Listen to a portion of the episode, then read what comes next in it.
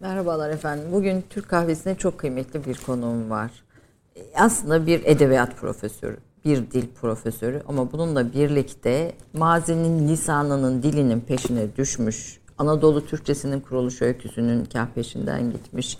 Kah el, el yazma eserlerin Türkçe'ye kazandırılmasında büyük çabalar sarf etmiş. Aslında bizimle geçmiş arasında dil üzerinden, edebiyat üzerinden köprü kurmuş. Bunu yaparken de o dönemin sosyo-kültürel bütün ortamını bugüne taşımış çok kıymetli bir tarihçi. Zor işlerin altından kalkmış. Külliyat, sözlük okumayı seven, bilmece çözmeyi seven bence. Çünkü yaptığı işler bir bilmece severlikle ancak bilmece çözmekle de e, eş anlamlı olabilecek şeyler. Ama o kendisini yaptığı her çalışmayı bir dağa tırmanmak hatta Himalaya'ya tırmanmayı istemek gibi e, tanımlıyor. Profesör Doktor Mustafa Koç İstanbul Üniversitesi Türk Edebiyatı Bölümü, İstinye Üniversitesi pardon Türk Edebiyatı Bölümü öğretim üyesi. Hoş geldiniz Hoş hocam. Ee, nasılsınız, iyisiniz? Teşekkür ederim. İstanbul'da sizi üniversiteye yeni naklettik. Daha önce e, Anadolu'daydınız. Şimdi İstinye'deyim. İstinye'desiniz. İstinye Türk İstanbul. Edebiyatı bölümünde. Esiniz, hoş geldiniz diyorum. Şimdi geçenlerde bir kitap geldi, yayınlandı ve ben sizin isminizi tabii edebiyat çevrelerinde duyuyorum. Ee, zor işlerin insanı olarak da duyuyorum. Fakat Revnekaoğlu'nun İstanbul'u, Cemalettin Server Revnekaoğlu isimli ilginç bir şahsiyetin el yazmalarının e, da anlattığı İstanbul'u yayınladınız. İki cildi çıktı. E, ben şöyle göstereyim. Fatih Belediyesi yayınları arasından çıktı. Kitap çok ilginç. Yani bakarken yani bir dönemin e, yaklaşık bir 50 yılı kapsayan bir tarih diyebilir miyiz burada İstanbul'un? Osmanlı'nın son yarım yüzyılı Cumhuriyet'in ilk yarım yüzyılı. İlk yani 40'lara 40 48'de falan galiba vefat ediyor. 68'de. 68 pardon 68'de vefat ediyor. O, o o dönemi kapsayan bir şey. El yazması tamamen. El yazması. Kaç ciltte hocam ve aslında Cemalettin Server Revnakoğlu kimdir? Bu kitap neden bizim için önemlidir? E, ne, ne ifade eder? Bunu sizden dinleyeceğim ama ben içinde böyle çok ilginç notlar da buldum. Mesela efendim işte at pazarına niye at pazarı diyoruz? Fatih'te hani me, me, meşhur yer vardır. Bunun öyküsü işte bir tekkenin, bir İstanbul'daki sokağın, yerin üstündekilerinde, altındakilerinde önünden geçerken onun hikayesi bu kitabın içinde bütün detaylarıyla evet. sokak sokak e, var. E, hatta e, Twitter sosyal medyada da paylaştım. Sırcıklar Şeyhi e, var. Kargaların hikayesi var. Yani bütün bunlar böyle bir e, farklı bir İstanbul bize anlatıyor. Farklı bir e, İstanbul'u resmediyor. Önce Cemalettin Server Revnakoğlu kim? Oradan başlayalım ve bu kitabın e, mahiyetinin, öneminin e, ile devam edelim.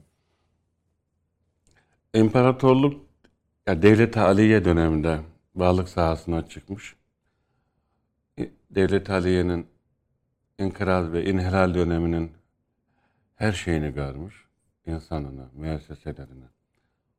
O devletin alfabesiyle tedris yapan eğitim kurumlarından başlangıçta geçmiş. Sonra Cumhuriyet'in ilk yarım yüzyılını müesseseler değişir ve müesseseler yeniden inşa edilirken kadim insanların son seslerini duymuş ve yeni dünyanın da peyzajını izlemiş. Şehrin değiştiğine, yeni bir dilin, yeni bir mimarinin, yeni bir musikinin varlık sahasına çıkarken kadim olanın kıymetinin tespitinin lazım geldiğini de fark et. Lazım geldiğine e, dair kuvvetli bir kanaat şekillenmiş. Şehir beş asırdır, altı asırdır kıvamını bulmuş. Her şey yerli yerine oturmuş. İktisadi mekanizmanın sosyal hayatın, kültürel yaşamın. Son safhada cemiyeti alt üst ettiği bir devrede kaybolmadan kaybolacak olanı kayda almaya karar vermiş. Şuurlu bir hamlenin ilk mümessillerinden birisi. İstanbul anlatan mühim zavatın ekserisi İstanbul anlatırken nefsi nefislerini anlatır. Kendi hikayelerini anlatır. İstanbul romanında esas karakter kendileridir. Ahmet Rasim'in İstanbul'unda en ziyade Ahmet Rasim'i görürüz. Onun temas dairesi. Ya da Sermet Muhtar Alus'ta hikaye böyledir. Ya da İstanbul'da ötekini, uzakta olanı arayan insanlara rastlarız. İhtifacı Ziya İstanbul ve Boğaziçi'nin en iyi kalemlerinden birisiydi. O en ziyade toprağın 3-5 metre altına düşmüş olan Bizans'ı, Bizans arıyordu. Oysa mevcut İstanbul bin yılın İstanbul'uydu. Mersiyanı, Musikçinası, Hattat'ı, Derviş'i, Nezleni, Başısı. şairi. Son kıymetli sesler Renokoğlu hayattayken hayattaydı. Ve onlarla temasa geçebilmek için de bu her şeyin bir külü, bir bütün olan bu cemiyetin dünyasına girebilmek için de bu cemiyetin müktesebatına hakim olmak lazımdı. Hatta dibine kadar bilmek, musiki en kadim tarihine kadar kavrayabilmek, ders alanların tedris halkalarında bulunmak, klasik metinlerin iç dünyasına nüfuz etmek. 400'ü aşkın tekke vardı İstanbul'un. Tekkeler devre kapanırken. Zikrini, dini raksını, ayinini, postunu, şeyhini, desturunu. Hasılı ezanı bilmek, temcidi bilmek, mevlidi bilmek, mevlid hanları, bütün şehrin hafızı kütüplerini, yazmalarını, matbularını, şiirini, aruzunu. Renokoğlu büyük bir işe girdi. Kaç yılda yazıyor bu bu kadar eser hocam? Galatasaray Lisesi'nde öğrenciyken başlıyor son sınıfta. 1912 doğumlu kendisi. İsmail Habib Sevi'nin o meşhur edebiyat tarihçisi istidadı gördü genç cemaletine. evet. E, kaybolmaya yüz tutan kıymetleri sanat dünyasından, tulattan, tiyatrodan vesaire. Bunları kaydet. Belli ki onda o istidadı görmüştü. O liyakatı keşfetmişti. Renokoğlu ilk kalem tecrübeleri kapılarını çaldığı son münevverlerin tercümeyi hallerine. Ama bunu yapmak için o Türkçenin en yüksek seviyesine kadar Vakıf uzanan olmak ihataya hakim olması gerekiyordu. Renokoğlu istikametini erkenden tayin eden ve o yolda ısrarla ve tutkuyla ilerleyen kalemlerden, karakterlerden de. Ve mizacı, munis mizacı herkeste kısa zaman içerisinde Dostum. imtizac etmesini temin ediyordu. Herkes de aynı o dili konuşabiliyordu. Akif merhumla Akifçe konuşuyordu. Tahir Mevlevi ile Tahirce konuşuyordu. Ya da işte son tulaatçılarla, hayalcilerle o dili konuşabiliyordu. Girdiği her tekkede zikri ayini temaşa etmekle iktifa etmiyordu. Bizzat her bir tarikatın meşrepçe birbirine münafi olsa da ayinlerini yürütecek kadar mahfuzata ve Sahip. tecrübeye de malik. İstanbul'un en İstanbul olduğu yerde, en İstanbul olduğu zamanda, nefsi İstanbul'da, der saadetin saadetle mücehhez olduğu bir zamanda, bütün yokluğun içerisinde saadet vardı. Şehrin adı der saadet. Dünya şehirlerin hiçbirinde saadet kelimesi vücut bulmaz. İstanbul'da, Fethiye'de, Mehmet Şah Sokak 5 numarada gözlerini dünya açtığında e, ihtiyaç duyduğu her şey etrafındaydı. Sadece gözden açıp bakması, baktığı eşyayı görmesi ve onu Türkçenin imkanları ve servet içerisinde yazıya aksettirmesi gerekiyordu. Renokoğlu bunu yapan, bundan muvaffak olan adamdı. Yani Pera'nın e, dışında şimdi İstanbul işte Ahmet Rasim'de ve bir sürü İstanbul anlatan e, dönemin insanlarında işte Beyoğlu'nu anlatan, Pera'yı anlatan yani biraz da o Osmanlı'nın Avrupa'yileşme sürecinin, Türkiye'nin batılılaşma sürecinin içinden bakan bir sürü anlatı, bir sürü hatıra, bir sürü tanıklık var. Fakat Revnakoğlu gördüğüm kadarıyla bunların dışında İstanbul'u biraz mana eklemiyle de, farklı yönleriyle de, değişimiyle de, yıkılan sokakları, yeniden yapılanlarıyla da başka anlatmış ve en önemlisi de gördüğüm kadarıyla insanlarıyla anlatmış. Yani karakterler e, hepsi çok hoş, e, çok farklı yani başka bir dünyanın karakterleri dediğimiz gibi. Bu dünyaya ait değiller yani. O, son dönemin münevverlerine tanıklıkları e, işte mesela bir e, tekke şeyhi ve bütün bunların hepsini aslında biz sokakta işte Sümbül Efendi'de yürürken, Fatih'in bir sokağında geçerken, Aksaray'da bir yerde yürürken gördüğümüz o isimlerin e, mü, müthiş hikaye, adapları, edepleri, İstanbul Beyefendisi tavırları hepsini e, çok hoş anlatmış. Bir Sırcıklar Şeyhi ne hocam? Onu ben merak ettim. Hani kitapta biraz anlatıyorsunuz ama izleyicilerimize de paylaşalım istedim. Ankara'nın Yabanabat kazası. Kızılcahamam'ın eski adı Yabanabat. Yabanabat ilçesinin Kızılcahamam'ın Şeyhler Köyü.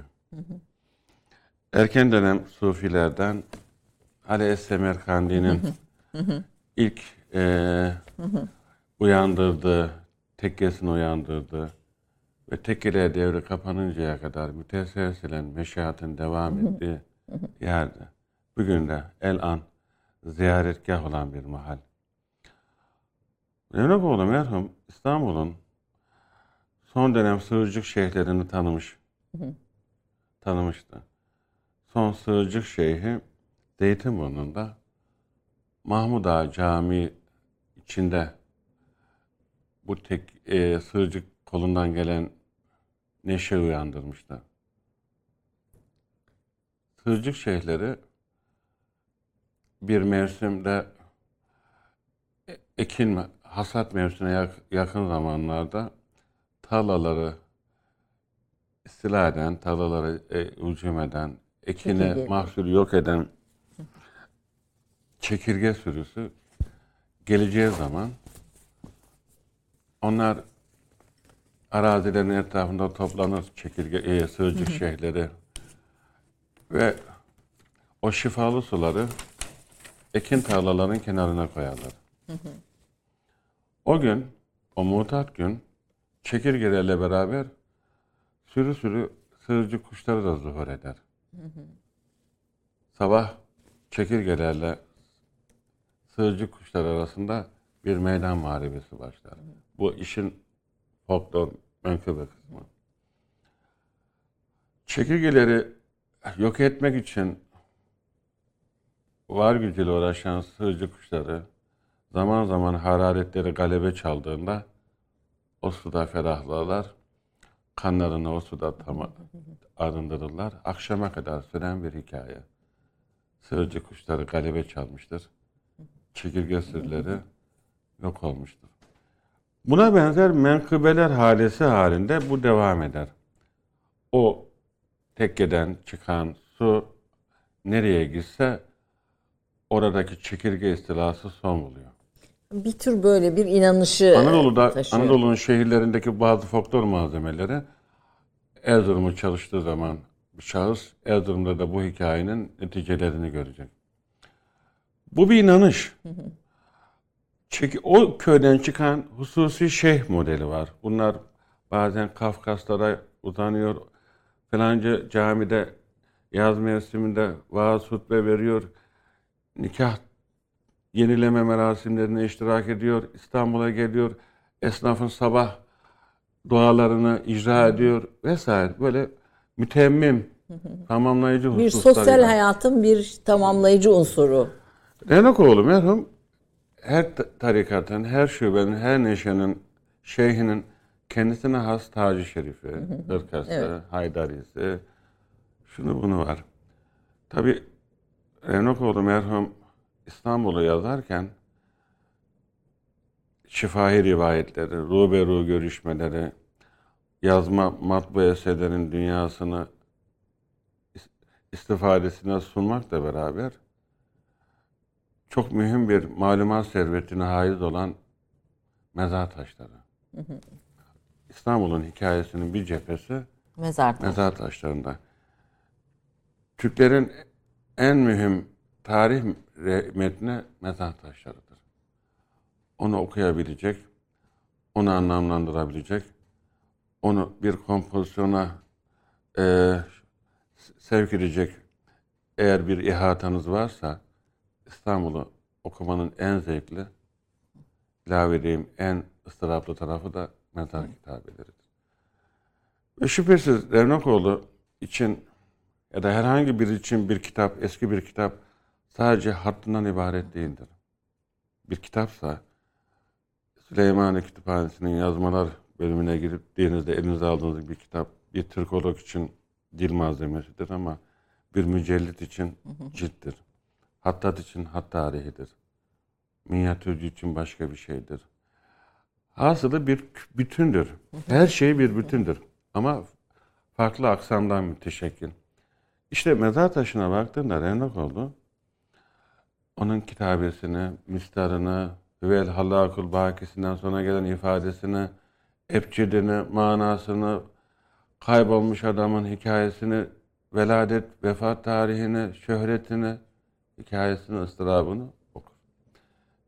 İstanbul'da dokunmadığı mezar taşı, tespit etmediği kitabı, anlamlandırmadığı hikaye yok. Bütün bunları İstanbul'u yazarken döker. Mezarlıklar Müdürlüğü'nde memur olarak çalışıyordu. Sıradan bir memurdu. Alaylı olma, nispeten alaylı oluşu, nispeten mektepli olmayışı ve herhalde nispeten de mütevazi kişiliği.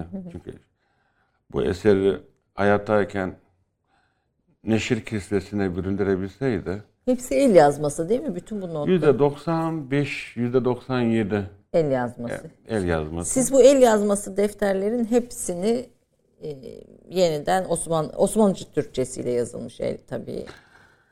Ayşe Hanım yüz binlerce not düşünün. Çok defa insicamsız. Büyük bir şehri inşa etmek için oraya buraya serpeştirilmiş inşaat malzemesi tasavvur edin. Evet. Levnakoğlu merhum yüz binlerce, yüz binlerce bilgi notu, vesika, her şeyi yiyormuş. İstanbul'un iç tarihini yazmak istiyor. Ve İstanbul iç tarihi yazılırken İstanbul neden münezzeh olabilir ki? Her şey ama her şey İstanbul'un kendisidir. Bir unsuru. Yani Yemeği de bir unsuru, Avrupa- giysisi de bir unsuru, her şey. Kesinlikle.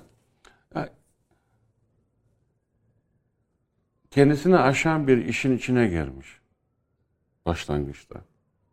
Lakin o yüz binlerce notu şehrin sokağına, çarşısına, caddesine, kompozisyonuna dökmeye başladığımda karşılaştığım manzara Renokoğlu merhumun metinleriyle kaybolan İstanbul'u yeniden inşa etmek mümkün mü? Şüphesiz imkansız. Ama kaybolan İstanbul'u ez her cihet görebilmek mümkün mü? Mümkün. Renokoğlu'nun İstanbul'u sadece bizim İstanbul'umuz değil. Renokoğlu'nun İstanbul'unu okuyan kari bu kitaptan Bursa'yı görür. Bu kitaptan Edirne'yi görür. Edirne Bu üzerine de. kitaptan Erzurum'u görür. Hakikatte Erzurum, hakikatte Bursa, Edirne ve diğer vilayetler Dersaadetin İstanbul'un bir mahallesi mesabesindeydi. İçtimai hayat, dini kıymetler. Hasılı imparatorluğun kitabıdır Revnakoğlu'nun İstanbul'u. Üzerinde Fatih yazdığına bakmayın. İstanbul'u Erzurum inşa etti biraz da. Evet. Biraz Bursa inşa etti. Bursa İstanbul'un girizgahıdır. Edirne İstanbul'un dibacesidir. Bu dibaceden, bu girizgahtan geçmeden İstanbul nasıl şekillenebilirdi ki? Ve Renokoğlu merhum Edirne'yi de yazdı. Daha az yazdı. Bursa'yı da yazdı. Herhalde İstanbul dışında en ziyade Erzurum'u yazdı. İçinde bütün imparatorluk coğrafyasını bu, bulmak mümkün. Ee, el yazmalarını sadece bu değil tabii birçok el yazması var böyle Türkçe'ye kazandırdınız. Birazdan ona geleceğim ama e, Revnakaoğlu'nun İstanbul'u kitabını e, galiba ilk baskıları tükenmiş. Bitti. Bitti. Cemalettin Server'in anlattığı e, bu kitabın. Bir bölümü Galata Mevlevi Hanesi'nde el yazmalar. Sonra Süleymaniye Kütüphanesi'ne galiba geliyor. E, siz Süleymaniye Kütüphanesi'ndeki yazmalarımı e, okuyarak e, Türkçe'ye kazandırdınız ve bir kitap haline getirdiniz. 68, 1968'de Renakoğlu Hak, Hakk'a yürüyünce evlenmedi. Çoluğa çocuğa karışmadığı için terekesine e, kayım atandı. Öyle diyelim. Hanesi milli emlaka devredildi. İsmet Bey galiba kayım atandı. Bir müze andıran bir evi var Evi herhalde. var. Yani aslında bir tasavvuf müzesi olabilecek şeyleri de var. Yani o tekkelerden kalanlar filan. bir hayli şey toplamış. Evet. Onu gören son simalardan dinlemiştim. Hatta vefatının ardından evine son giren şahsiyetlerden birisi, ilk giren şahsiyet de aynı zamanda, Turgut Kut merhumdu. Nur içinde yazsın. Turgut abiden de dinlemiştim. Uzak bir akrabasının ortaya çıktığını o zaman yazmaları istediğine, Renokoğlu merhumun koleksiyonunun yazmalar kısmı koleksiyon içinde yok. Almış gitmiş. Ee, şey har- haraç müc- somut olan eşya e, satışa, satılmış, kaybolmuş gitmiş. Gölpınarlı merhumla Halil Can'ın tavassutuyla 320 o zamanki rakam sürekli değişti Reynakoğlu dosyalarında. Her tasnif tecrübesinde 320 idi bir başlangıçta. 370'e 370 kusura yükseldi en son Süleymaniye'deki tasnif. Galata Mevlevihanesi'ne intikal etti. Vefatından hemen sonra dosyalar. Bunların korunması konusunda şey vardı.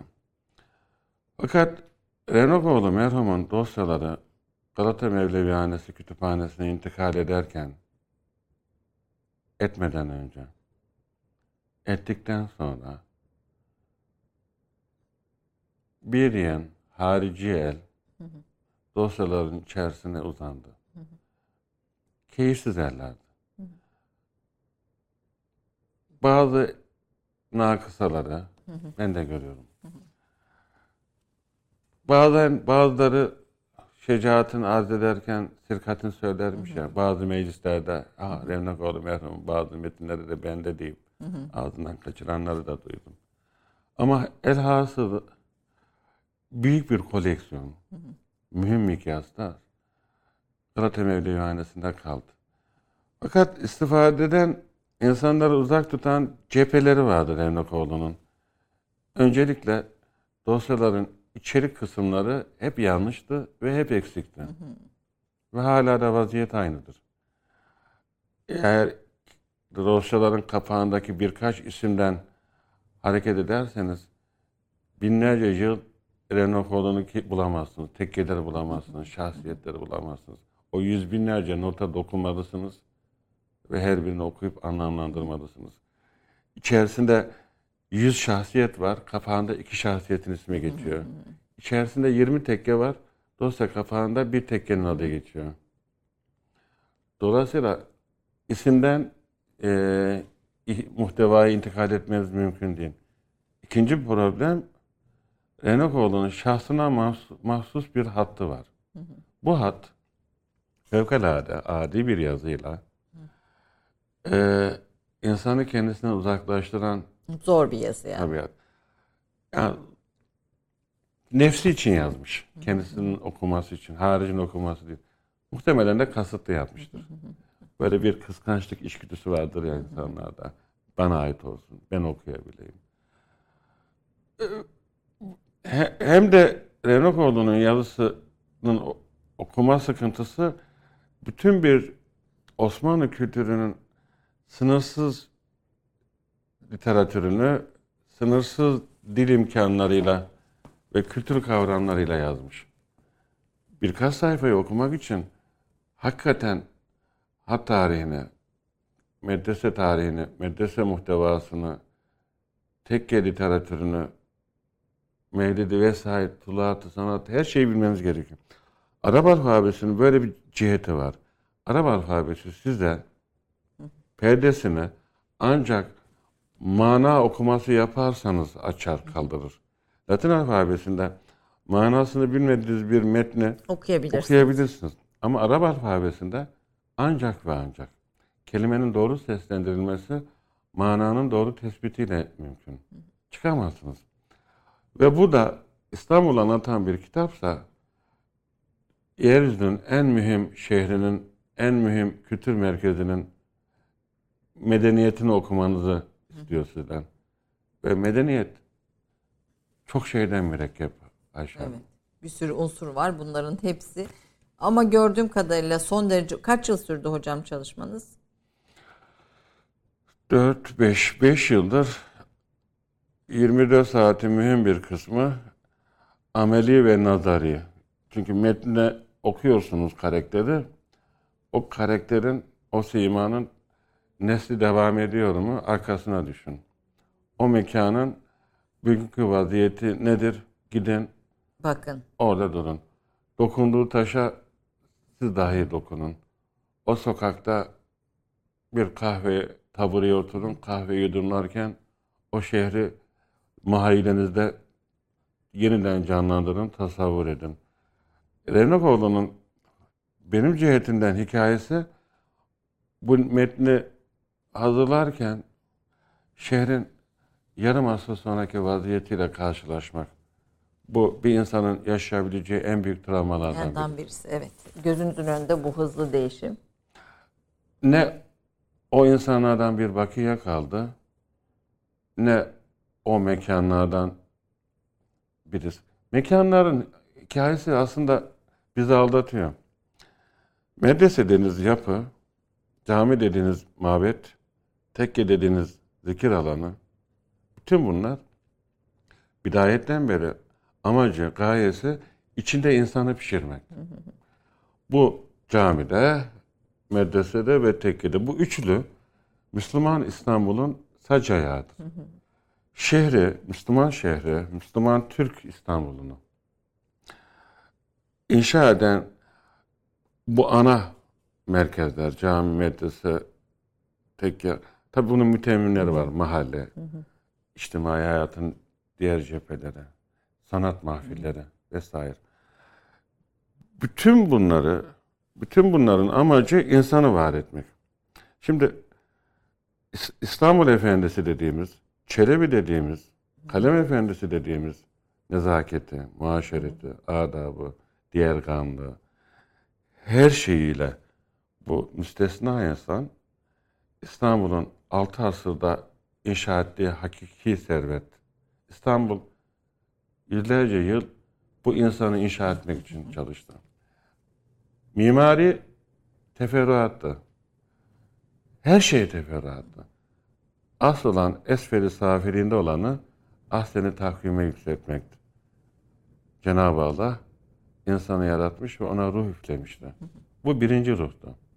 Ama şehir, ama muhit ikinci ruhu üfler. Şimdi bu mekanlar taş ve topraktan ibarettir. İstanbul'a baktığımızda minhasıran artık taş ve toprağa bakıyoruz. Bizim kaybettiğimiz İstanbul taş ve toprak İstanbul'u değil. İnsanı kaybettik. En çok muhafaza etmemiz iktidar eden İstanbulluyu muhafaza muhafaza etmekti. etmekti.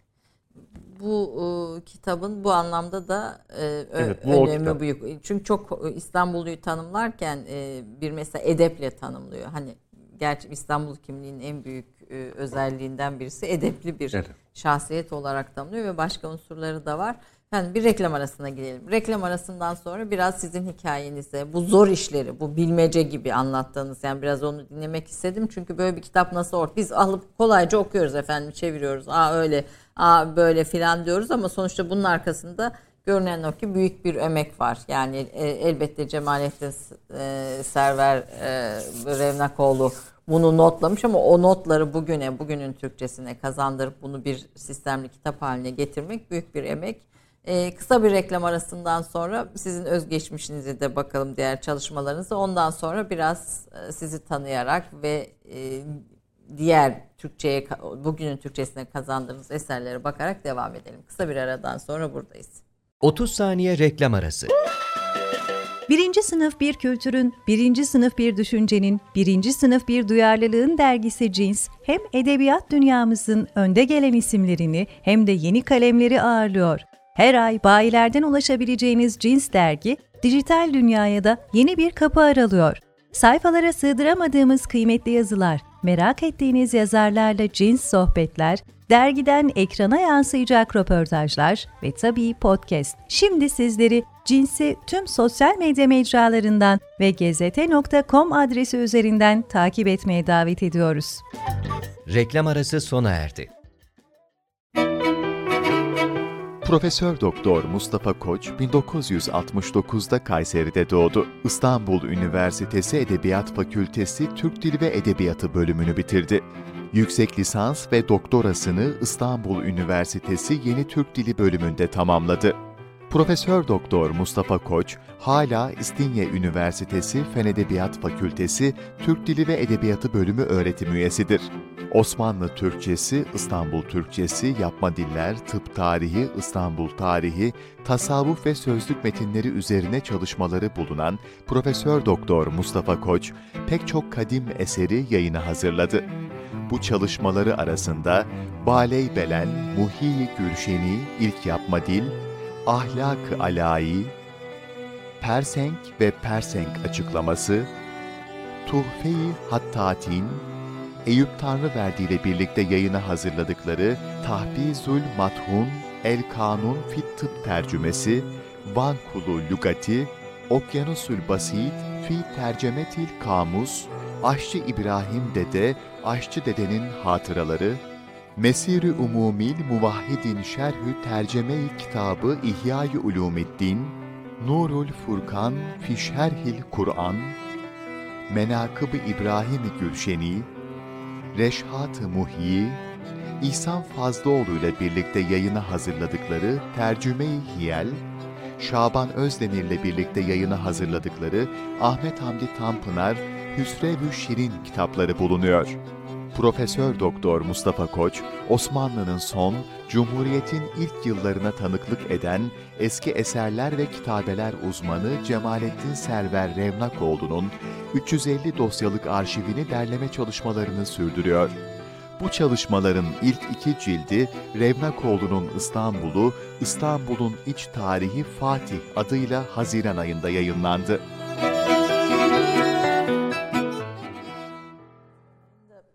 Haziran ayında yayınlanmış ama çok kısa sürede de tükenmiş. Bunu da buradan söyleyelim. Belki yeni bir baskısı da yapılır.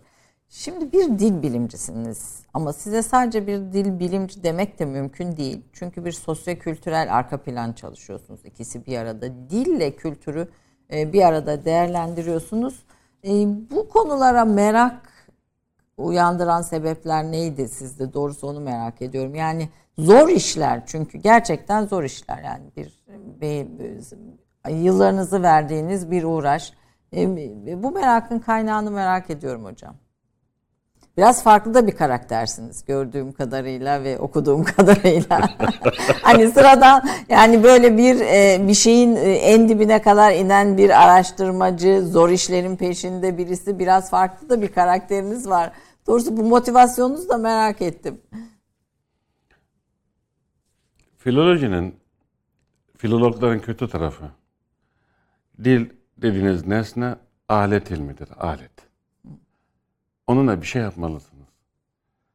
Alet sıfatına haiz olan dilde kaldığınızda manasız bir işin etrafında döner, döner, döner durursunuz. Manasız bir devran.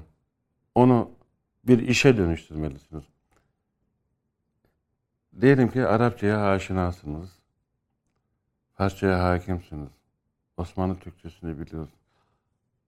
E onda bir şey elde etmişseniz onunla bir yere gitmelisiniz. O ayakkabıyı giyince tırmanmalısınız. Bir şeyi keşfetmelisiniz. Bir de insan bir şeyden müteşekkir. Tutkunun ardına düşmek. Sevdiğinizin ardına düşmek. Onu şekle sevmek. Ve bir şehir bir yığın peyzajdan mürekkep. Eğer bütünü görmek istiyorsanız her bir peyzajda ayrı ayrı durmalısınız. Bir bütünü görmek için mikroları çalışmalısınız makroya yükselmek için. Ve sizi heyecanlandıracak o kadar çok şey var ki o tutkunun adına düştüğünüzde. Böyle yaptım. Sevdiğimin ve sevdiklerimin adına düştüm. Sevdiğinizin adına düşünce yorulmuyorsunuz. Bu ardına düşme dediğimiz şey de az buz bir şey değil. Mesela bu e, baley belen doğru te, telaffuz ediyor muyum hocam? Böyle Baley belen. Baley belen. Tabi bu ağlarda şeyi okumayı unuttuk. Muhi Gülşenli'nin ilk yapma dili. Yine sizin derlemenizde çıkan. Mesela bunu bulmak için baley belen baley belen bir yapma dil, ilk yapma dil hatta e, evet. e, Avrupa'da Esperanto'yu biz biliyoruz ama o daha 19. yüzyıl. Bu 16. yüzyılda ve bunun peşine düşüyorsunuz. Mısır'a gidiyorsunuz, Paris'e gidiyorsunuz, Amerika'ya gidiyorsunuz. Hani bütün bu şey bir kitabın peşinde bir o kitabı takip ediyorsunuz. Yani bir de böyle bir tarafınız da var. Bir maceracı tarafı da var bu işlerin gördüğüm kadarıyla.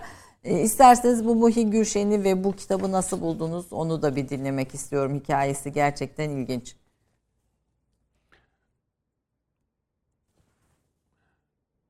Bir Mithat Seyhatoğlu merhumun Hayat Tarih Mecmuası'nda hakikatini kavramaya çalıştığı ancak taslama bir biyografisine malik olamadığı ama bir şeyler hissettiği yazısı vardı. Mithat Seyhatoğlu'nun 60'lı yıllarda. Bir isim kalmıştı okuyucunun muailesinde. Bale Belen. Ama kendisiyle beraber yazma ortada yoktu. Nereden başlanabilirdi? Bir başlangıç. Muhi ile ilk ciddi teması İstanbul Üniversitesi Edebiyat Fakültesi dekanlarından Tahsin Yazıcı merhum menakıbı münasebetiyle kendisinden bahsediyordu. Ama bu dilin dünyasına o da girmemiş ve nüfuz etmemişti. Talebelik yıllarında İstanbul Üniversitesi'nin Edebiyat Fakültesi o zamanlar güzel bir kütüphaneydi. İhtilal öncesi, 12 Eylül ihtilal öncesi çok kıymetli metinler dünyanın dört bir bucağından o kütüphaneye gelebiliyordu. 12 Eylül Kesin. o gelişin arkasını kesmiş, kesti. Böyle merdivenlerle kat kat çıkıyor, kitaplarla sohbet ederek ilerliyorsunuz. Böyle bir kalın büyük kitap. Fransızca. 1900'lün başlarına ait. Fransa İmparatorluk Kütüphanesi'ne giren yazmaları ele alan yazılardan müteşekkil bir kodeks İçinde böyle karıştırırken hem Fransızca mı imtihan ediyor?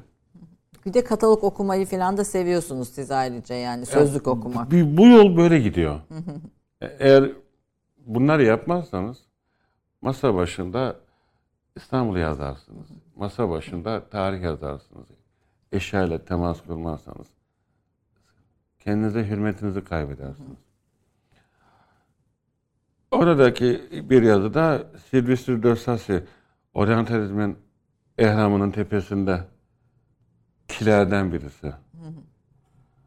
Halep'te 1805'te Rus adlı bir adam bir şahsın kütüphanesinde, bir özel kütüphanede manasının müdrik olmadığı bir yazmanın birkaç sayfasını istinsah edip İstanbul'a, Alman önçeliğine Van, Van Hamer'e, Osmanlı tarihinin mühim müelliflerinden gönderiyor. Bu nedir diye. Bu mahiyetini o da kavrayamıyor. Sasi'ye gönderiyor Paris'e. Sasi de aciz kalıyor.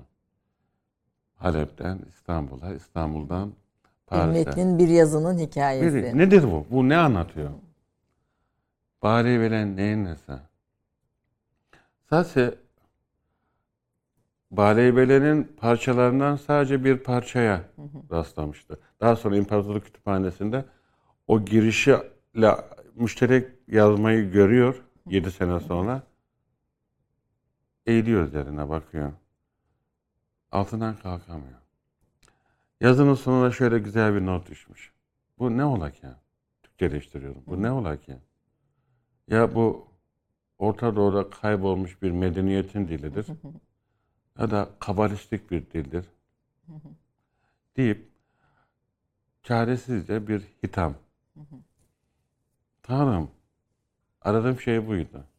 Çıkacağım ehramı, tırmanacağım Himalayaları Zor bir yol bulmuş. belli. Zor bir yol.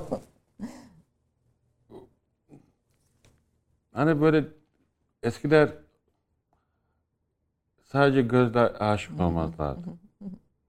Eski kültür kulak aşığı dediğimiz bir şeydi.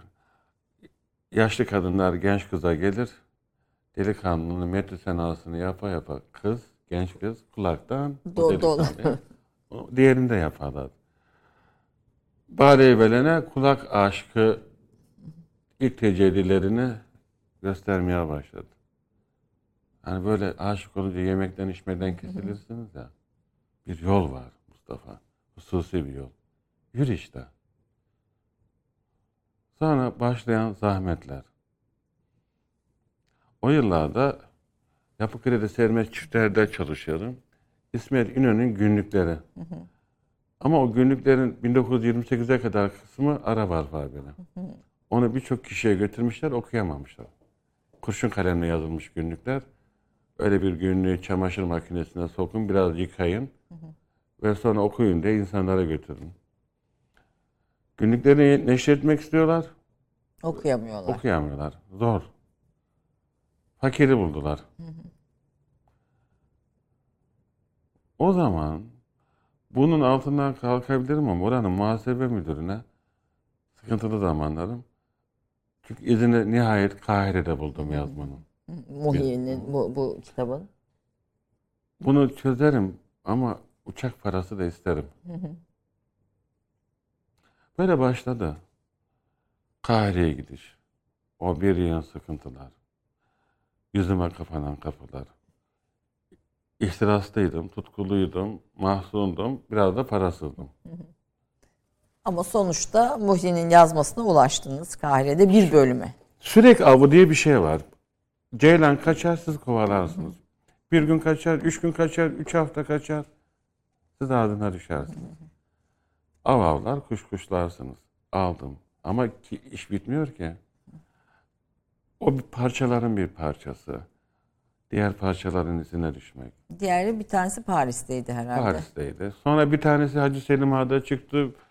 Bir tanesi başka bir yerde çıktı. Princeton'da olan hangisi? Princeton'da da bir Princeton'da şimdi mesela birinde isimler sözlüğü, birinde fiiller sözlüğü, birinde yapım eklileri bahsi, birinde fonolo- fo- fonetik bahsi, birinde morfoloji bahsi. Metin ve gramerin diyelim ki 20 parça. Siz o parçaları bir araya getirirseniz evvelene anlamlandırabiliyorsunuz. biliyorsunuz. Ve onların hepsini siz farklı farklı yerlerde bularak bir araya getirdiniz. Bunu- Şimdi ilk Türkçe gramer kitabı da diyebilir miyiz aslında bu buna bir tarafıyla? Şimdi biz de biliyorsun Türkçenin ilk grameri ne sadece ismi bilinir. Kaşgalı Mahmud'un kitabı Cevahirün Nahiv fi Lugati Türk. Türk. Kaşgalı Mahmud Divan Lugati Türk'ü yazmadan önce gra- o bir sözlük kitabı Türk, Türk dillerinin gramerini de yazmış. Bunu Divan Lugati Türk'ün girişinde anlatır. Ben bu kitaptan önce bir gramer yazdım. Kitabı Cevahir'in Nahif fi Lugati Türk. Yazık ki o günümüze intikal etmedi.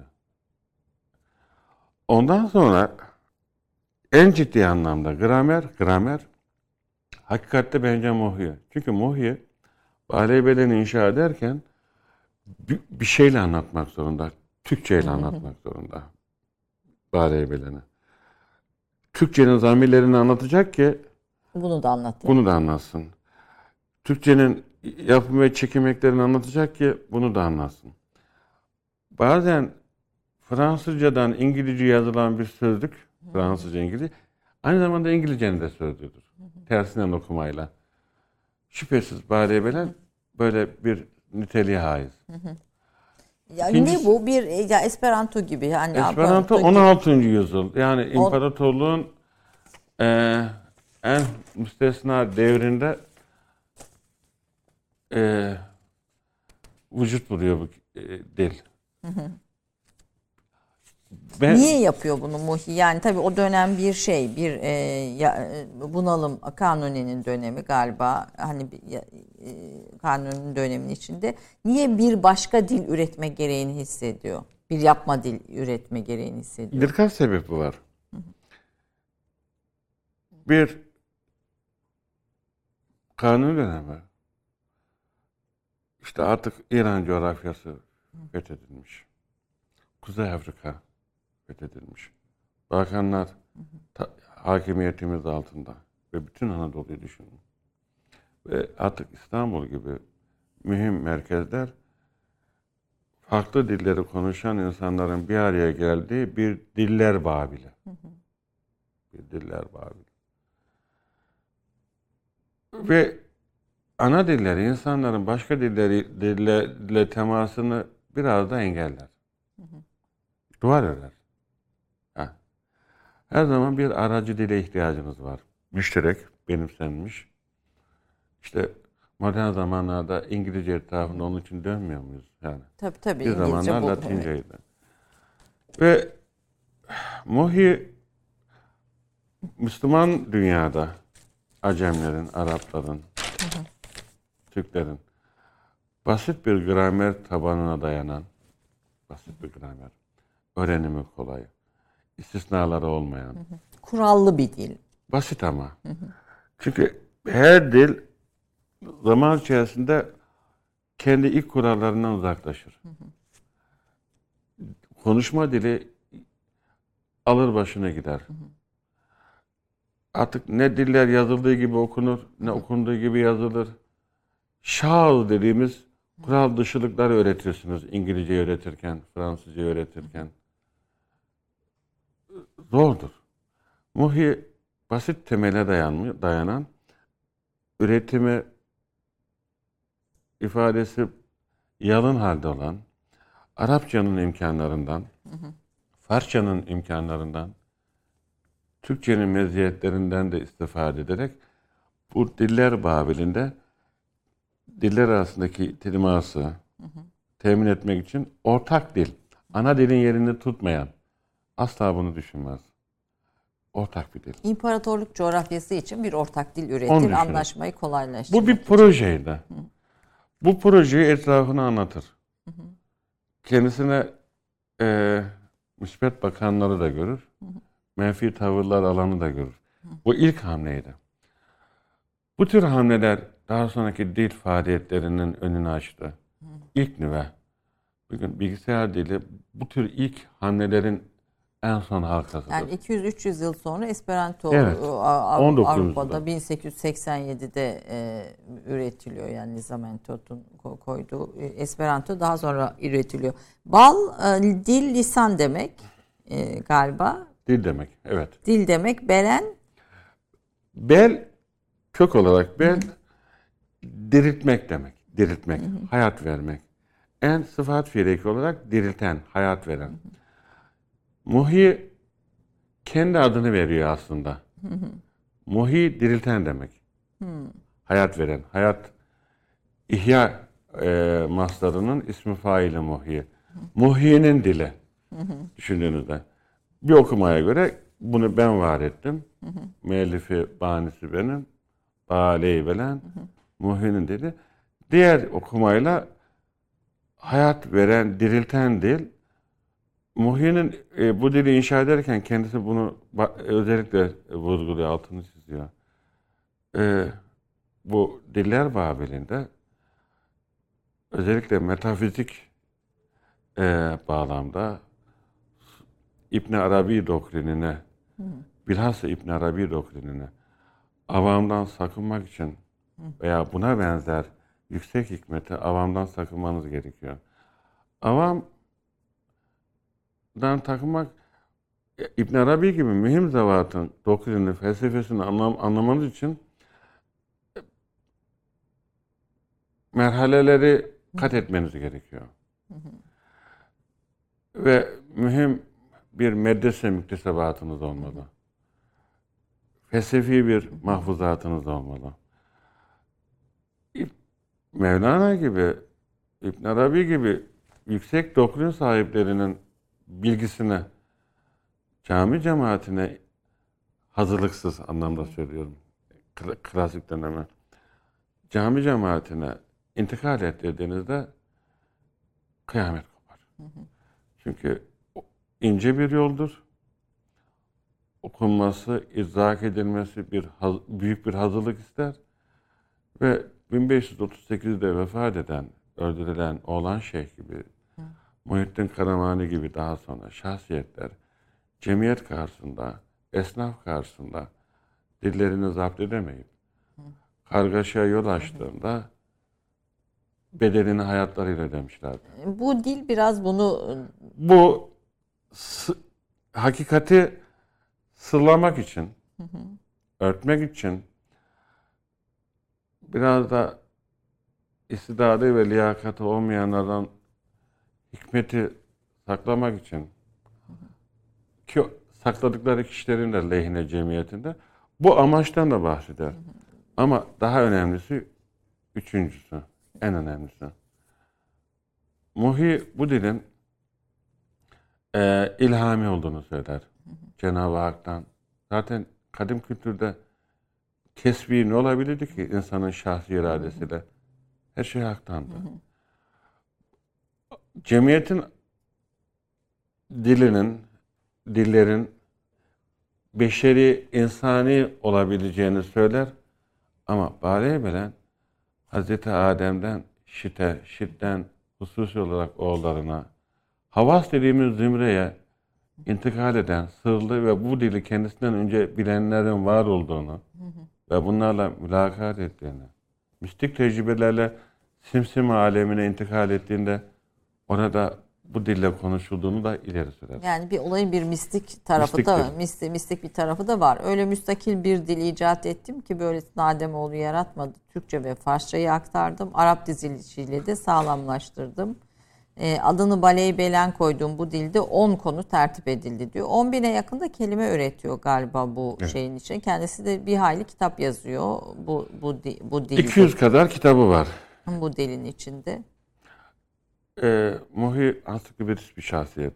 Kelamdan divana kadar, siyerden e, menakıplara kadar her vadede kalem yürütmüş. Ama münhasıran Bale Beren'le inşa ettiği, yazdığı metinlere henüz erişemedik. İki cihetten erişemiyoruz. Bir, Bale Beren'de yazılmış bir metni bulan hafızı kütüp, ne olduğunu bilmiyordur. Okuyamayacak, kataloğa ne diye geçecek? Hı hı. Zaman zaman fırsat bulursam Kahire'ye Muhi'nin mezarını ziyarete gidiyorum. Meyyediye Camii'nin arkasında eski Kahire'de Gülşeni Hane'nin, Gülşeni Tekkesi'nin orta yerinde türbede dördüncü sandukada yatıyor Muhiye. En başta İbrahim Gülşeni ilk sandukada. ikinci sandukada oğlu Ahmet Hayali, Seydi Hasan, İsmail Safeti ve Muhiye. Oralarda dolaşıyorum böyle gidiyorum. Kütüphaneye gidiyorum. Şahıs kütüphanelerinde, devlet kütüphanelerinde bulur muyum böyle? Bir şeydir bu. Hı hı. Ee, çok eski zamanda sevdiğinizden çok sonra ayrılsanız bile arada bir görüşür buluşursunuz ya. Öyle bir sizin için bir şey. E, geriye dönüş. Geriye dönüş. E, bu dil ve sosyo kültürel çalışmaları birleştirmek bugünkü Türkçemize ve bugüne nasıl bir katkı sağlıyor hocam? Birincisi şöyle karşılaştırmayla söyleyeyim. Şehir insanı var eder. Şehrin an itibariyle mahiyeti İstanbul'sa mevzu bu mimari, bu hayat tarzı, bu kopukluk,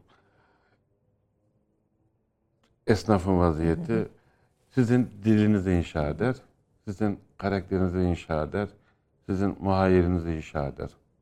Ve belli ki şehirlerin kimyası insanda buhrana yol açıyor. Kadim İstanbul aradığımız sıra aşı, aşı boyalı konaklar, kalabalıklar, adab, muhaşeret, servet, zarafet. Bütün bunlar İstanbul'u İstanbul'u inşa ediyordu. Eğer bir dönüş yaşayacaksak, bir varlık sahnesine anlamlı bir şekilde çıkacaksak, döneceğimiz yerde ne bulmamız lazım geldiğini, Neyi inşa etmemiz Neyi?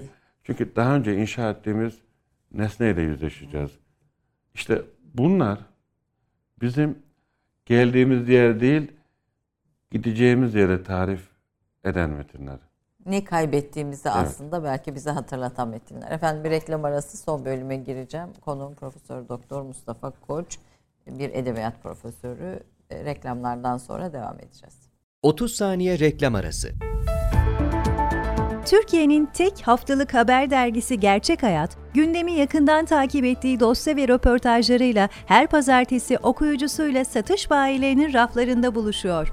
Gerçek Hayat artık sayfalardan dijitale taşıyor.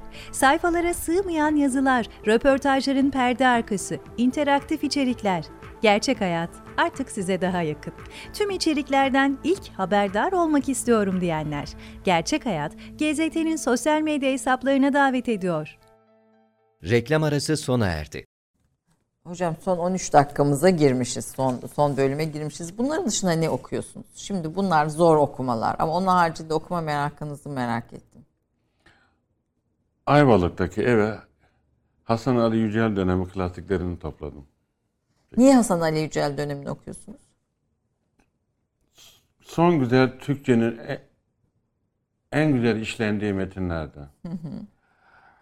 Türkçenin Fransız edebiyatıyla, İngiliz edebiyatıyla, Rus edebiyatıyla karşılaştığında aradığımız ve bugün kaybettiğimiz ama o, o gün, o zamanlar ortaya çıkardığımız dil imkanları, ifade imkanları ve Türkçenin ka- o bütün diğer medeniyetleri karşılama kudreti Hasan Ali Yücel dönemi klasiklerinde büsbütün ortadadır.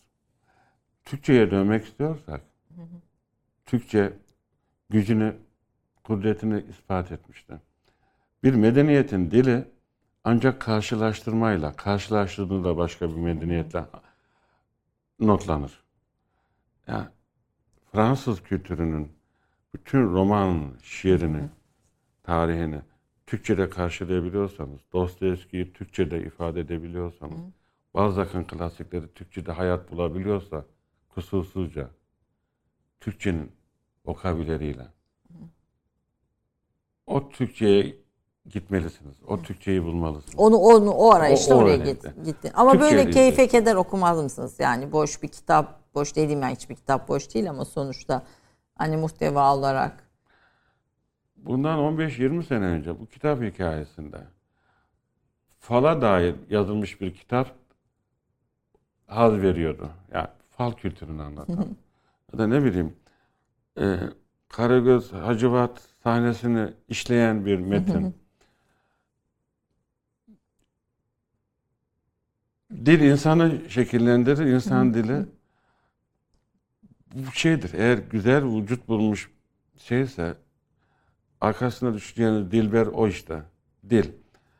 Battal Gazi destanını anlatan dille karşılaştığınızda haseten Dede Korkut arada bir etrafında döndüğümüz metinler bazen Fuzuli Karacaoğlan ya nasıl söyleyeyim Fakirin masasına sayfaları açılan her kitap teşbihte hata olmaz. Mukaddes metin mesabesi. O kadar dil dilsiz. Teşbih. E, Peki bugünün Türkçesindeki yazılmış kitapları nasıl görüyorsunuz hocam? Okuyabiliyor musunuz? Yani bir- şimdi kullandığımız kelime sayısı çok az zaten. Sosyal medya okuyor musunuz mesela? Orayı nasıl görüyorsunuz? Sosyal medyaya çok çok çok sos- sosyal medyam yok. Zaman zaman arkadaşların ihtarıyla baktığım vaki. Ama yıllardır üniversitede hocayım. Jenerasyonlar değiştikçe onları ve dünyanın seyri sülukunu takip edebiliyorum. E, ke- e, bir zamanınız olur. Kaçtığınız bir zaman içinizde. Ve kendinizi başka yerde inşa ettiğiniz bir mekan olur. Benim saadetim bu ikisinde. Zaman zaman İstanbul'u görmek için İstanbul'dan uzaklaşmak e, ve kendime dönmek için başka bir zamana gitmek. Eşyayı içindeyken bütün hususiyetleriyle Göremeyiz. göremiyorsunuz. Biraz ondan uzaklaşmalı ve onu uzaktan okumalı. Nasıl görüyorsunuz bugünkü dil? Mesela bugün yazılmış eserlerden, yeni yazılmış eserlerden bugünün Türkçesinin en güzel eseri diyebileceğiniz bir eser var mı?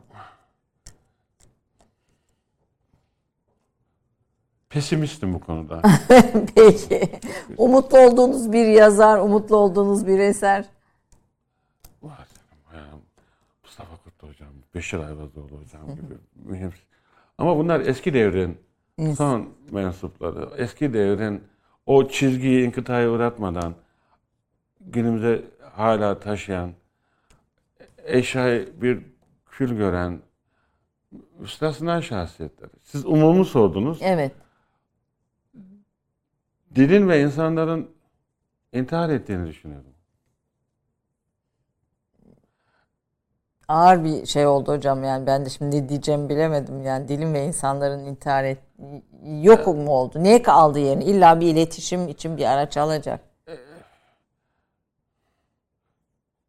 Karamsarım. Efendim? Karamsarım. Karamsarsınız, pesimistsiniz. Yani dilin yeniden ihyası için yapılması gereken şeylerin ne olduğunu düşünüyorsunuz. Yani öğrenciyle iletişim kurarken kalbimden ve dimağımdan gelen cümleyi üç defa tercüme edip öyle anlatmak ihtiyacı hissediyorum. Üç kere tercüme ediyorum diyorsunuz yani. Ne yaparsınız? Ee, çok oynadılar dille. Dille oynamak demek, zihinle oynamak demek. Evet. Zihinler teşviş edildi. Siz açayım bunu. Türkçenin irfan yüklü, hikmetle, ihatalı, büyük bir coğrafyaya yayılan, katman katman, zümre zümre şekillenen, o Güzelim. büyük bir kamusu olan, yeryüzünün en büyük literatürlerinden birine sahip olan bu dili fakirleştirdiniz. Menşe ar- aramaları yaparak, ırk tasnifleri yaparak tükettiniz. Hayattan çektiniz. Hayattan çekilen her bir kavram ve her bir kelime sizin gönlün, sizden çekilen bir şeydi. Size ait olan bir eşyaydı. Azalmak aslında. Tükendik. Sonra onun yerine o mücerret kavramların, soyut kavramların yerine bize ait olmayan sinema dili, dizi dili, İzliyor musunuz dili bu arada onları? tercümelerinin Geldi. getirdiği hususi bir dil. Ve bu dil bizi anlatmaktan uzak. Amerika'yı anlatabilir o dil. İngiltere'yi anlatabilir. Ama o dille o kültürü anlatabilirsiniz. Türk irfanını Mesela kendine iyi bak diye bir kelime vardır hocama çok. Kendine iyi bak. Mesela bizim dilimizde kendine iyi bak diye bir tümce olabilir mi? Bir tanımlama. bu en iyi hali. Ya kendine iyi bak derecesi kaosun içerisinde mübarek kalıyor. Bütün bir yok oluşun içerisinde. kaç kere ya du- duyuramıyorsunuz. Her şeyin somutlaştığı bir yerde soyut kavram sokağa, çarşıya, pazara girmiyor. Ve soyut kavram girmeyince cömertlik girmiyor. Soyut kavram olmayınca değergamlık olmuyor. Ahlak ne olursa olsun ateistin de ahlakı var. Her dinin ahlakı var. Materyalleşince dil ahlak da gidiyor. Peygamber Mustafa'nın romanı hepimizin vaziyetini anlatıyor. Yalnızız. Yalnızız evet. Belki bu yalnızlığı azaltmanın yollarına bakmak lazım. Hocam sizin e, hayatınızı okurken iki önemli isim var. Bir Profesör Doktor Semih Tezcan. Ben de sizin hayatınızı okurken kendisini tanıdım ama belli ki Türk diline büyük hizmetler etmiş. 2017'de de vefat etmiş bir kıymetli hoca. E, e, çalışmaları yani yurt dışı Almanca, İngilizce birçok Türkçe'ye çeviriler yapmış. Önemli bir dil bilimci. Çok kısa hocadan söz etmek istiyorum, etmenizi istiyorum. Bir diğer isim de Profesör Doktor Eyüp Tanrıverdi. Ee, yine bu da dil bilimi e, sahasındaki çalışmalarıyla önemli isimlerden birisi. Çok süremiz az kaldığı için böyle çok kısa onların sizin için öneminden bahsedin isterim ve biraz da bu şahsiyetleri izleyicilerimiz de tanısın. Dicle Üniversitesi'nde öğretim üyesi e, Eyüp Tanrıverdi. İstanbul'da o doktor yaparken Fatih'te duvar dibinde buldu beni. Böyle genç bir dima elini uzattı. Ben Eyüp Tanrıverdi dedi. ne istiyorsun bir tanem dedim. Osmanlı Türkçesini öğrenmek istiyorum dedi. Yani git bir kursa öğren. Böyle mağrur yani ben dedi her bir dili dedi en iyisini bulur ondan öğrenirim dedi. Sen ne dil biliyorsun ki dedim. Arapça bilirim dedi. Ne kadar Arapça biliyorsun dedim o zaman. Lehçileriyle dedi.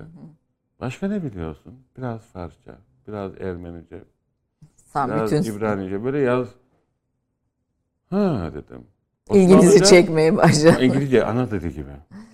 Başka dedi işte Osmanlı Türkçesine düştüm dedi. Kızı buldum dedi. Gel hele otur bir kahvemi iç dedi. Ondan sonra o kadar şey. Ondan sonra, Sonra galiba ayrılmaz Eyüp- bir yoldaş Eyüp, oldu. Eyüp Tanrıverdi. Bu ölümlü dünyanın ölümsüz insanlarından da.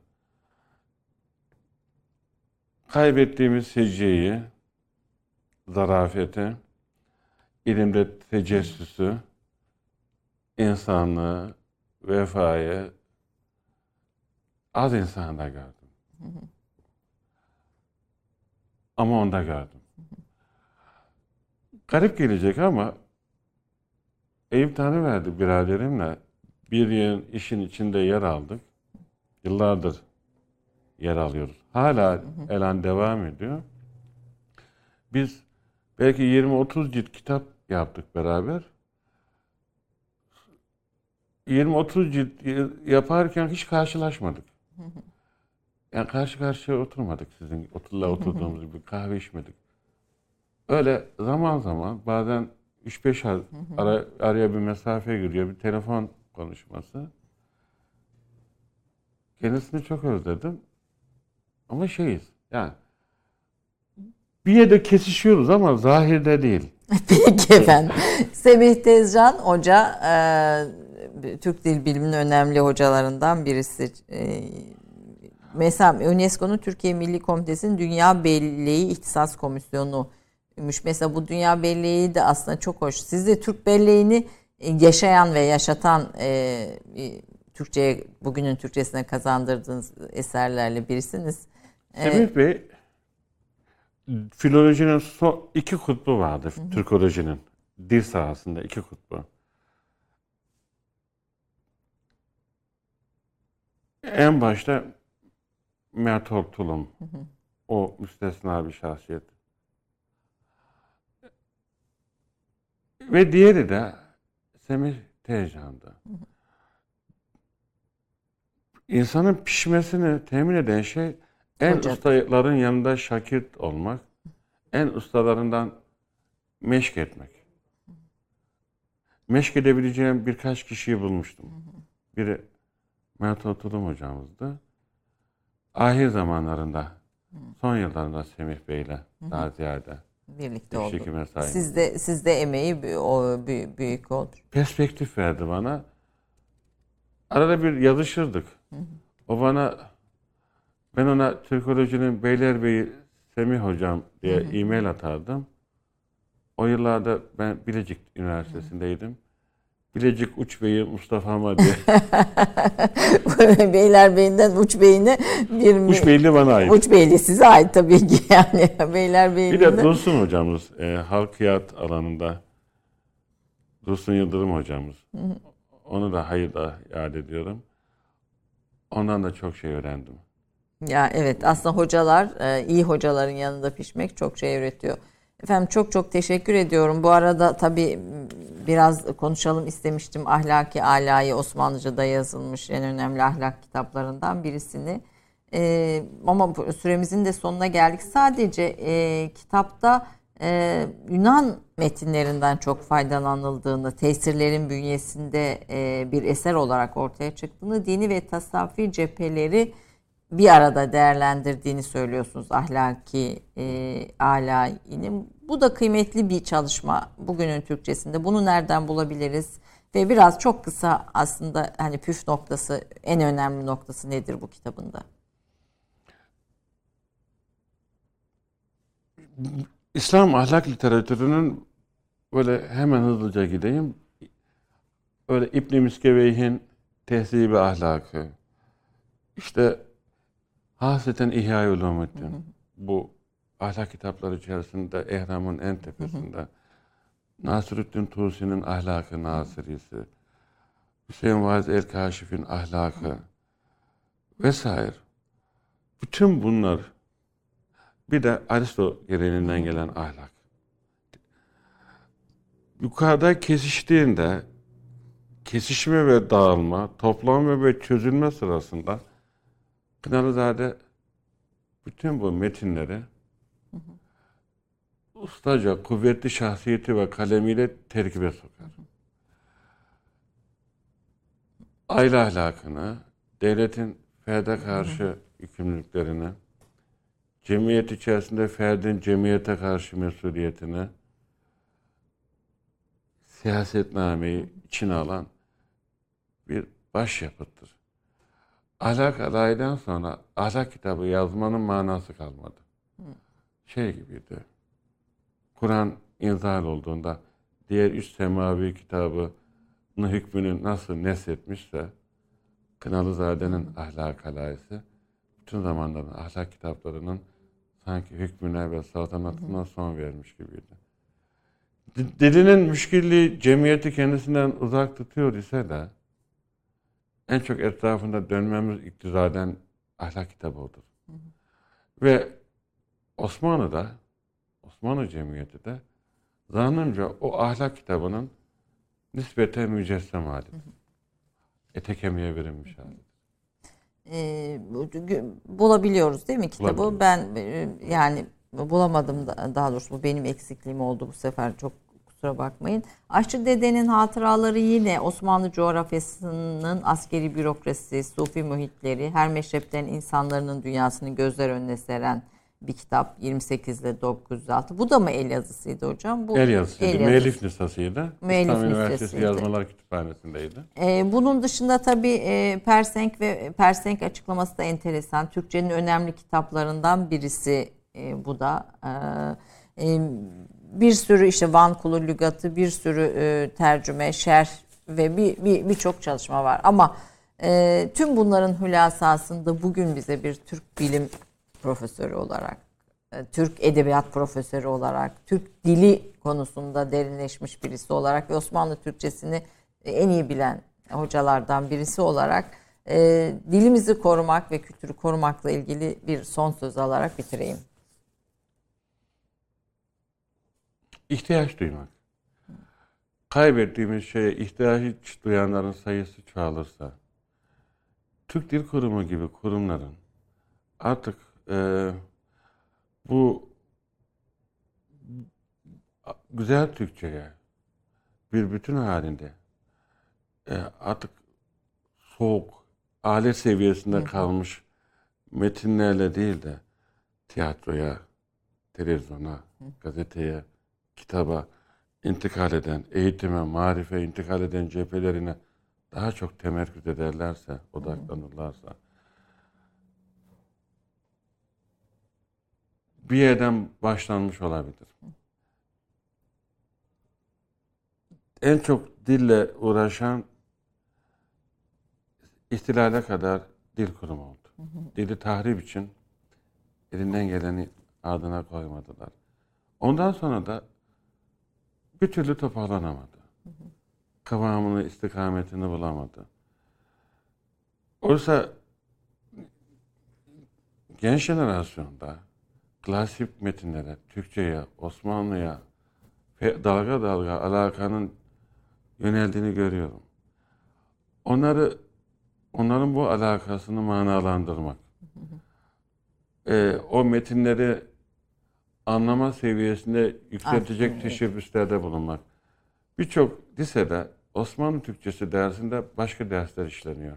Dersin adı Osmanlı Türkçesi lisede, ortaokulda ne lisede. Fakat o dersler beden eğitimi dersi oluyor, coğrafya dersi oluyor, vesaire ders oluyor. Ee, şekle mana vermek, manayı da e, e, mananın da içini boşaltmamak gerekiyor. Bir heyecan devresine ihtiyacımız var. Hani İbn Sina'nın cümlesi böyle ya. İlim itibar görmediği yerden göç eder. İtibar görmesi gerekiyor. Evet, ilme itibar vermek gerekiyor. Efendim çok çok teşekkür ediyorum. Biz de böylece bir dil bilimci hocayı e, ilk defa da konuk etmiş olduk. Çok da faydalandık. Çok farklı e, bakış açıları kazandırdınız. Efendim e, Türk dilinin güzelliklerini, Türk eserlerinin güzelliklerini e, yaşayan ve onlarla birlikte de e, o, bu, onları bugüne taşıyan bir değerli hocayı, bir edebiyat profesörünü konuk ettik. Mustafa Koç'u çok çok teşekkür ediyorum kendisine tekrar. Haftaya bir başka sahasına derinleşmiş e, konumla birlikte karşınızda olmak dileğiyle. Hoşçakalın efendim.